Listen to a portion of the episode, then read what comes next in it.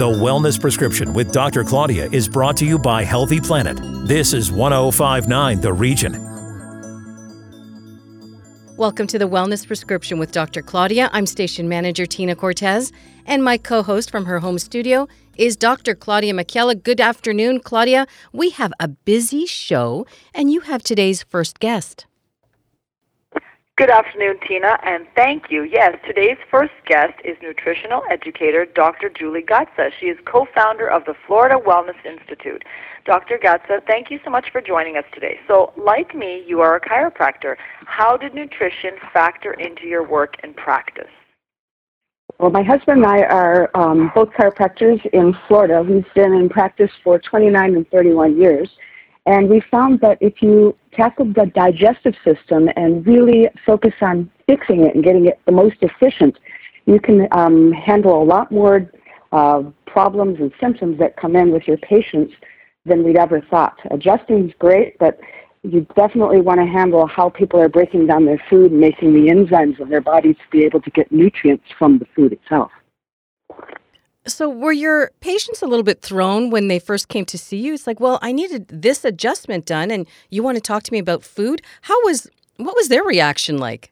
you know, we were so certain after a short bit that it worked that we definitely gave you know adjustments to everybody because it's it's vital and necessary. But we also did a lot with um, changing their diets and you know getting them to take the right nutrients and getting the nutrition into the body properly. So we started to get a reputation of um, treating everyone's sort of failures and being the dead end kids where people would come to us and they'd get relief and get you know uh, their health back because we actually tackled it at so many levels. So on average, I mean, we're talking about, you know, food, digestion, and nutrients being absorbed. So on average, what percentage of the food that we eat each day is actually being wasted? you know, I'd say more than 50% at least. And so, how do we help that? Well, uh, normally our bodies are supposed to be making enzymes to break down the different types of foods. We have enzymes that break down proteins and and uh, carbohydrates and vegetables and fats.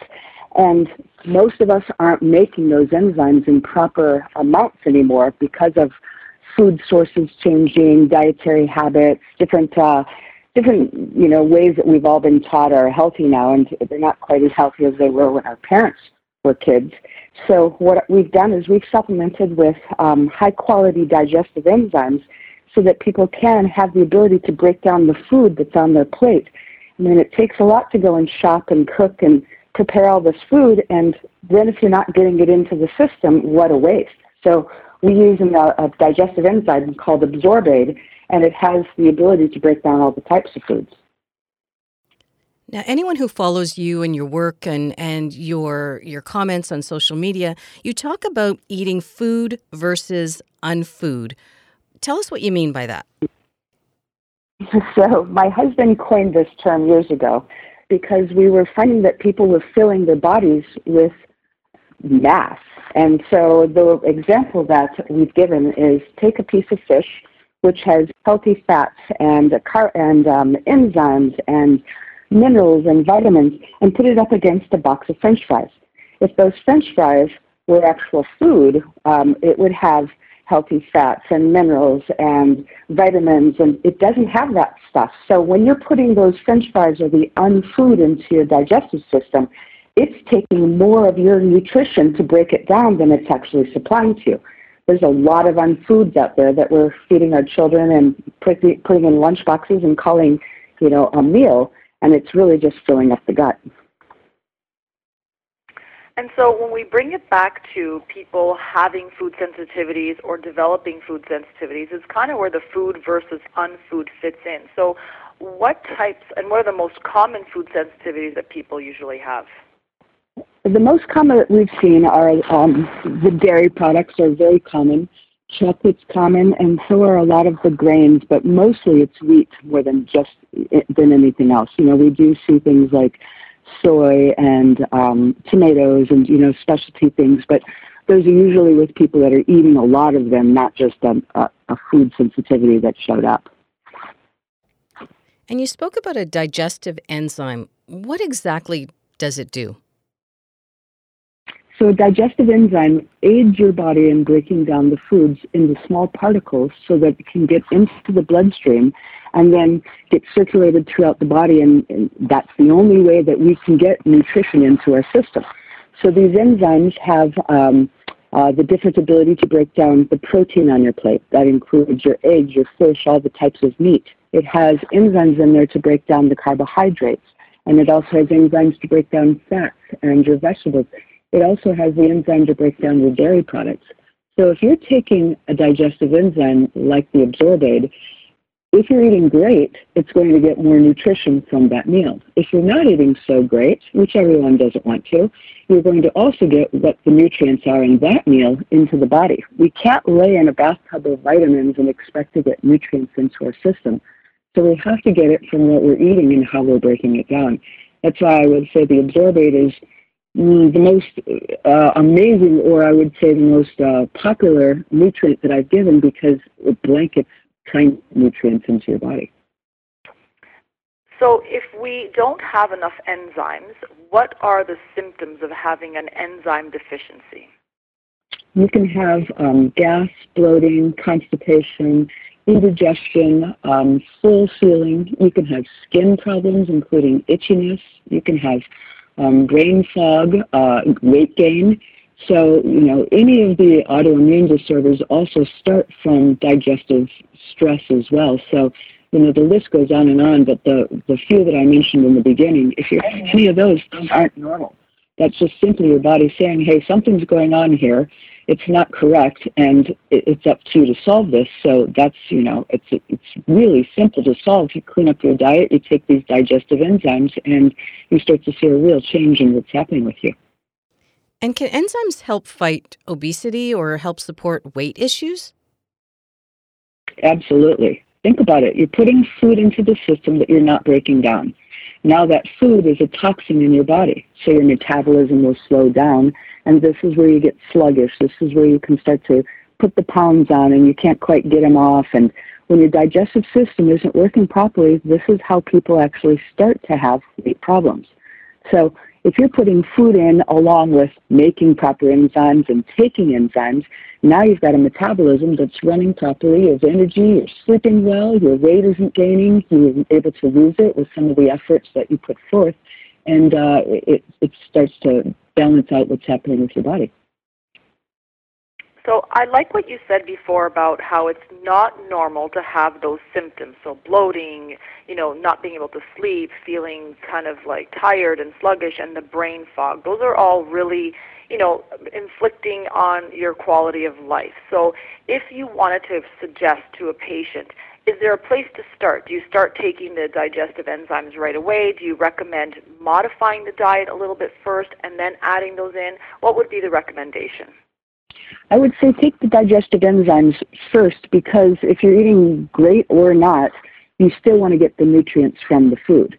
And then what I would say is take your time, take about a week, and start uh, cleaning out your cabinets of you know some of the junk stuff. Start shopping more on the outside perimeter of the grocery stores because that's where the actual real food is. And start making a list of uh, you know different meals that you can make get your family involved and within a week's time you can sort of turn around what's happening with yourself and uh, it, you know a habit isn't that hard to put in especially if you have some help from the family so um, I, I wanted to bring it back a little bit to what we talked about in the very beginning about food versus unfood. So I sometimes I feel like it's hard to decipher for, for people to decipher what's really good food and what is food that's not nutritious for you. So what would you recommend as like the good, you know, the good items that you should always have in your pantry and in your fridge? Uh, the ones you should always have fresh vegetables. Um, you should have eggs. I think eggs are a perfect food because of the fact that they can be prepared in so many ways. They can be put in your purse if you hard boil them or a lunchbox. And um, uh, always protein, fish, chicken. You know, if you want to, you know, find a sale and put it in your, in your freezer, then pull it out that morning. But you know, mostly if you start thinking with how were your grandparents eating, what did they actually do? you know, they had to make three meals a day. They couldn't rely on cereal and call it a day and, you know, weird lunch food that you feed your children that you open up and lunch is prepared. So if you have the types of foods that, um, you know, maybe take another 10 or 15 minutes to prepare, just make a heck of a lot of them. And uh, then you can have leftovers and, you know, you start to think with eating real food as compared to the um, food that you know, is not going to help us long term. It might satisfy our taste buds, but that's about it. Well, Dr. Gatza, thank you so much for all of the information. If listeners want to learn more about you or connect with you, um, where can they do that? Uh, they can go to the website, which is naturesources.com, and um, they can read about the Absorbaid. They can also read about the Absorbaid Platinum, which um, is sort of a bumped up version of this. And the beauty of it is if you take it not with a meal, it helps to handle inflammation in your body. So if you have joint pains and inflammation anywhere in the system, you don't um, take it with your meals. It also helps to break down bacteria, viruses, toxins. So you can't go wrong with the Absorbaid products because of the fact that they help with foods and they help with other areas as well. And then if they wanted to um, order any, they could go onto the um, Amazon, um, either Canadian or the U.S., and um, and find out about the uh, Absorbaid Day. When we come back, the book on happiness. This is the Wellness Prescription on 1059 The Region. Stay with us. Have a question for Dr. Claudia? Call us at 416 335 1059. Tweet us at 1059 The Region or email us info at 1059theregion.com. The Wellness Prescription with Dr. Claudia is brought to you by Healthy Planet. This is 1059 The Region. You're listening to 1059 The Region. Welcome back to the Wellness Prescription. I'm Tina Cortez, and over to Dr. Claudia with today's next guest. Thank you, Tina. Our next guest is Jen Gileno, author of Finding Happiness. She's going to share with us her journey. Welcome to the show. Uh, thank you so much for joining us today. Thanks so much for having me. So I thought we would begin by having you tell us about your new book and how hope and recovering from childhood trauma is the message you're trying to convey. Sure. So the book is all about how you can turn your life around, even if you have had a challenging upbringing.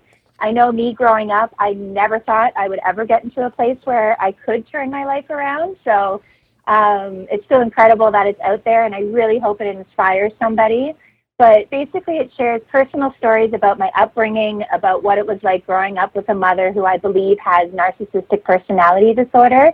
And overall, it was just a toxic environment. Uh, my mom was never supportive of me and didn't really want me to succeed. So while I did share personal stories, I also share a lot of tips and survival skills along the way. And to make it really easy and hopefully easy to remember um, when people read it, it's broken out into three parts. The first one is sometimes it's just not about you, and that's just trying to recognize what, no matter what you could have done, it wouldn't have changed the outcome. So try to let it go and forgive. Leading to part two, identifying what did happen to you, and just encouraging people to research. Knowledge is power, and it's the first step to recovery, um, as well as building strength. And then the last part, which is my favorite part, is all about self improvement and focusing things about that are in your control. So here I talk about things like power of thought, who you are in relationships, finding your path, and basically it's all about forgiveness, letting go, and um, like I like to finish off the book, kicking ass in life. mm-hmm. Now there are many self-help books out there, Jennifer. Um, mm-hmm. What makes yours different? What makes yours stand out? I'm actually so glad you asked me that. So, when I first discovered narcissistic personality disorder, I tried to read every book that I could get my hands on. But the one thing I noticed was it almost felt like the author was still a little bit guarded and didn't share it all. My book literally shares it all because I wanted to be related. I wanted to be relatable to the reader, and I wanted the person to really live through my journey to realize that as bad as my journey got, I was able to kind of dig through that mess and still turn my life around. And so the, the biggest thing with this book is, is that after people read it, people came back to me and they started sharing their stories and just started realizing that they aren't alone. And so I think it's more the personal aspect that differentiates it from others. So I would have to agree with you. I read the book, and you do get into some very deep uh, conversations, and you do tell us a lot of stuff that you know other people would not want to share necessarily. And it was very clear that you didn't have the easiest childhood, and likely you know have some emotional turmoil. But you did rise above it all. But what was the turning point for you? So that's a hard one because to, to get to a final state where you say the healthiest thing for me is to no longer have a relationship with my mom. I mean, nobody wants to get to that state. No matter how things, how bad things got, she's still my mom. And I literally tried everything to gain her approval and make her proud of me and just try to make her love me. And it wasn't until I had my daughter, to be honest with you, that I realized no matter what I do in my life, her toxic drama is never going to end. And in the book, I talk about a lot of life uh, life events that happened, like my marriage, my baby showers, the day my babies were born. These are all amazing life events where your mom is supposed to be there beside you and be proud of you. But all of these events, it seemed like the better my life got, the worse my mom got. And that's when I realized if I continue to have a relationship with my mom, I just was never going to have a happy life on my own. And that just wasn't fair to me or to my husband or to my kids. And it wasn't easy. It's still not easy. But I just know overall it was the best thing for my mental health. And without giving everything away, um, you know, obviously we can't get into all of the details, but what can mm-hmm. you share with our listeners about your story as a child? Um, well, at the beginning of my book, I, I start off when I was young, and I share um, a lot of a lot of examples as to how my mom didn't act appropriately. So, I mean, one highlight I can share with you is, and it's still something to this day that I have anxiety about, is special events like Mother's Day or birthdays or Christmas. Um, even from a young age, I remember always trying to do something to make my mom proud of me. And so when you're young, you draw pictures, or as you get older, you make poems, or when you get a job, you start buying gifts. No matter what I did, it was never enough thought, and it always ended up being a fight where I was the bad daughter. So one memory that really sticks out, I think I was around the age of eight, but to be honest with you, my childhood, the years, as anyone, when you remember your childhood, the years kind of blur together.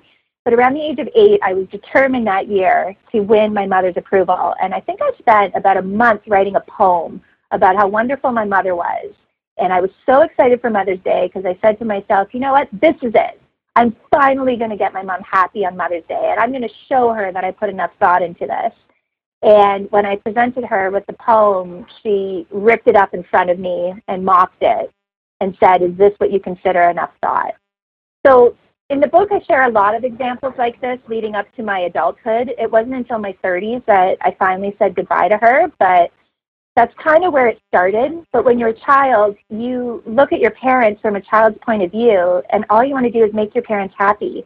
And so when you don't make your parents happy or you don't have that capability, you are the bad person. And so I just always grew up thinking I was the bad person until in my adult years. So in the book, you say, if I wanted to have a happy life, be a good wife and parent, it was time to let her go, and you did. Can you tell listeners what that meant?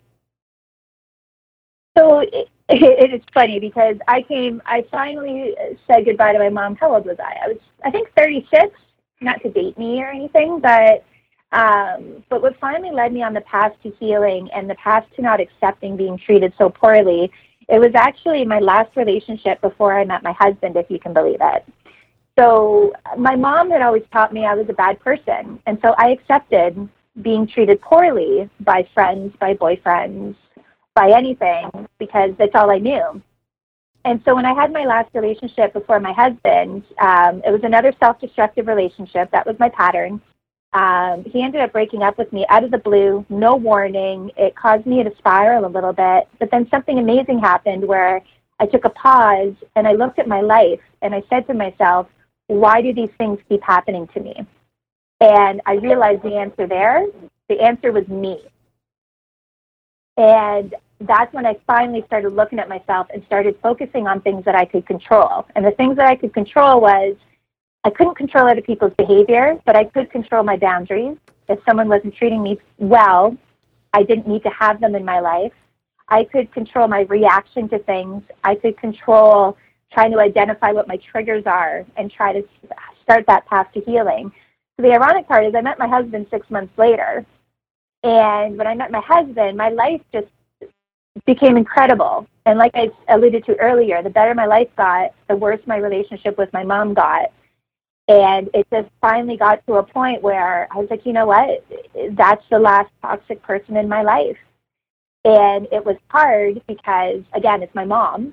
And people will encourage you to cut off toxic relationships, but people still aren't in a place where they can encourage you to cut off a toxic relationship if it's your mom. So I know that's a simple answer to that question because it was years of part of my journey that finally helped me get there.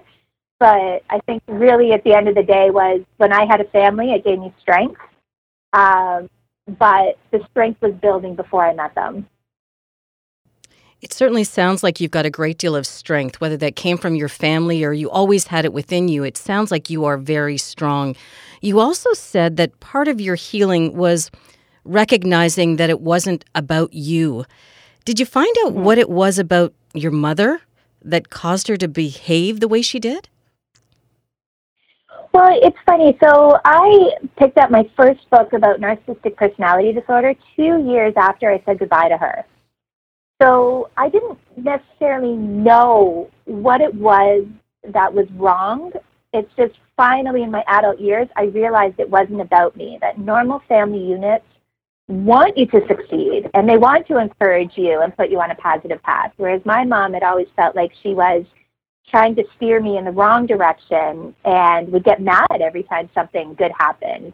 Like if I got a promotion at work, she would get mad and accuse me of thinking I was better than her.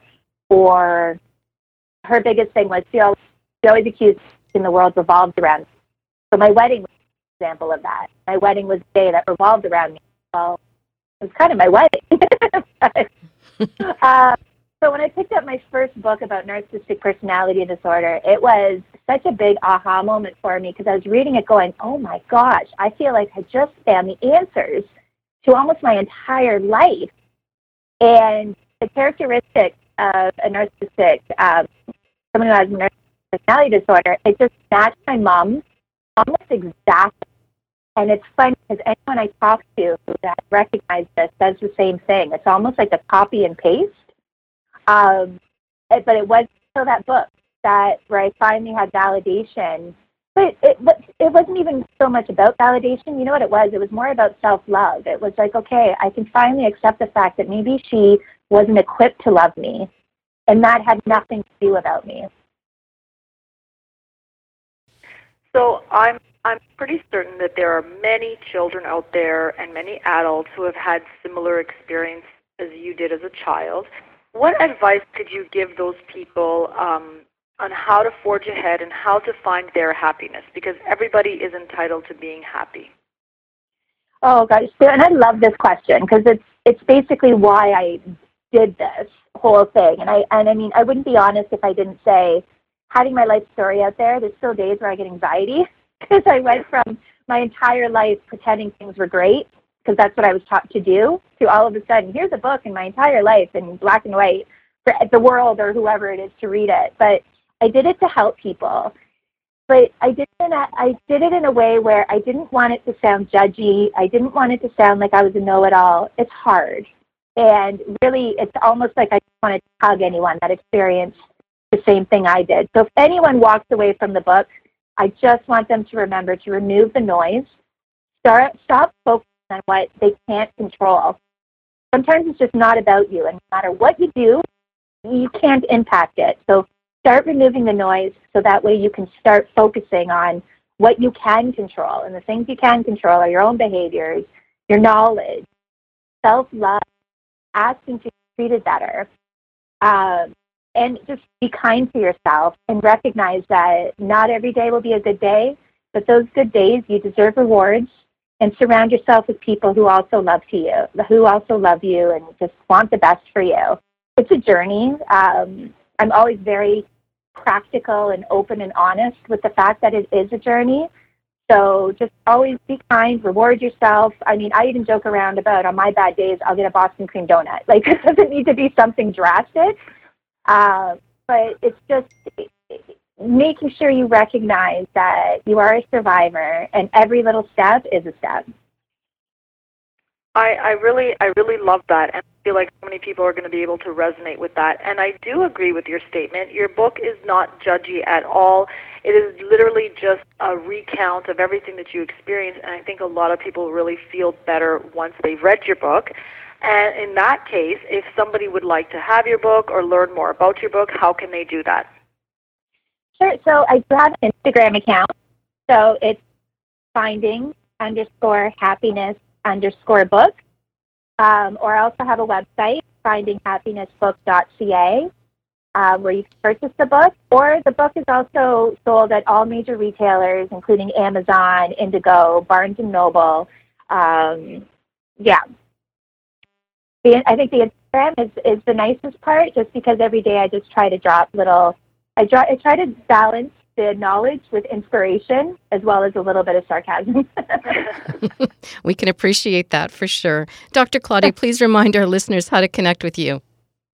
You can find me on Instagram at Claudia underscore Michaela or my website, claudiamichaela.com. That's our show for previous broadcasts of the Wellness Prescription. Go to our website, oh 1059theregion.com. Thanks for listening. Connect with us on Twitter at 1059theregion or call 416 335 1059 or email info at 1059theregion.com. This is 1059 The Region.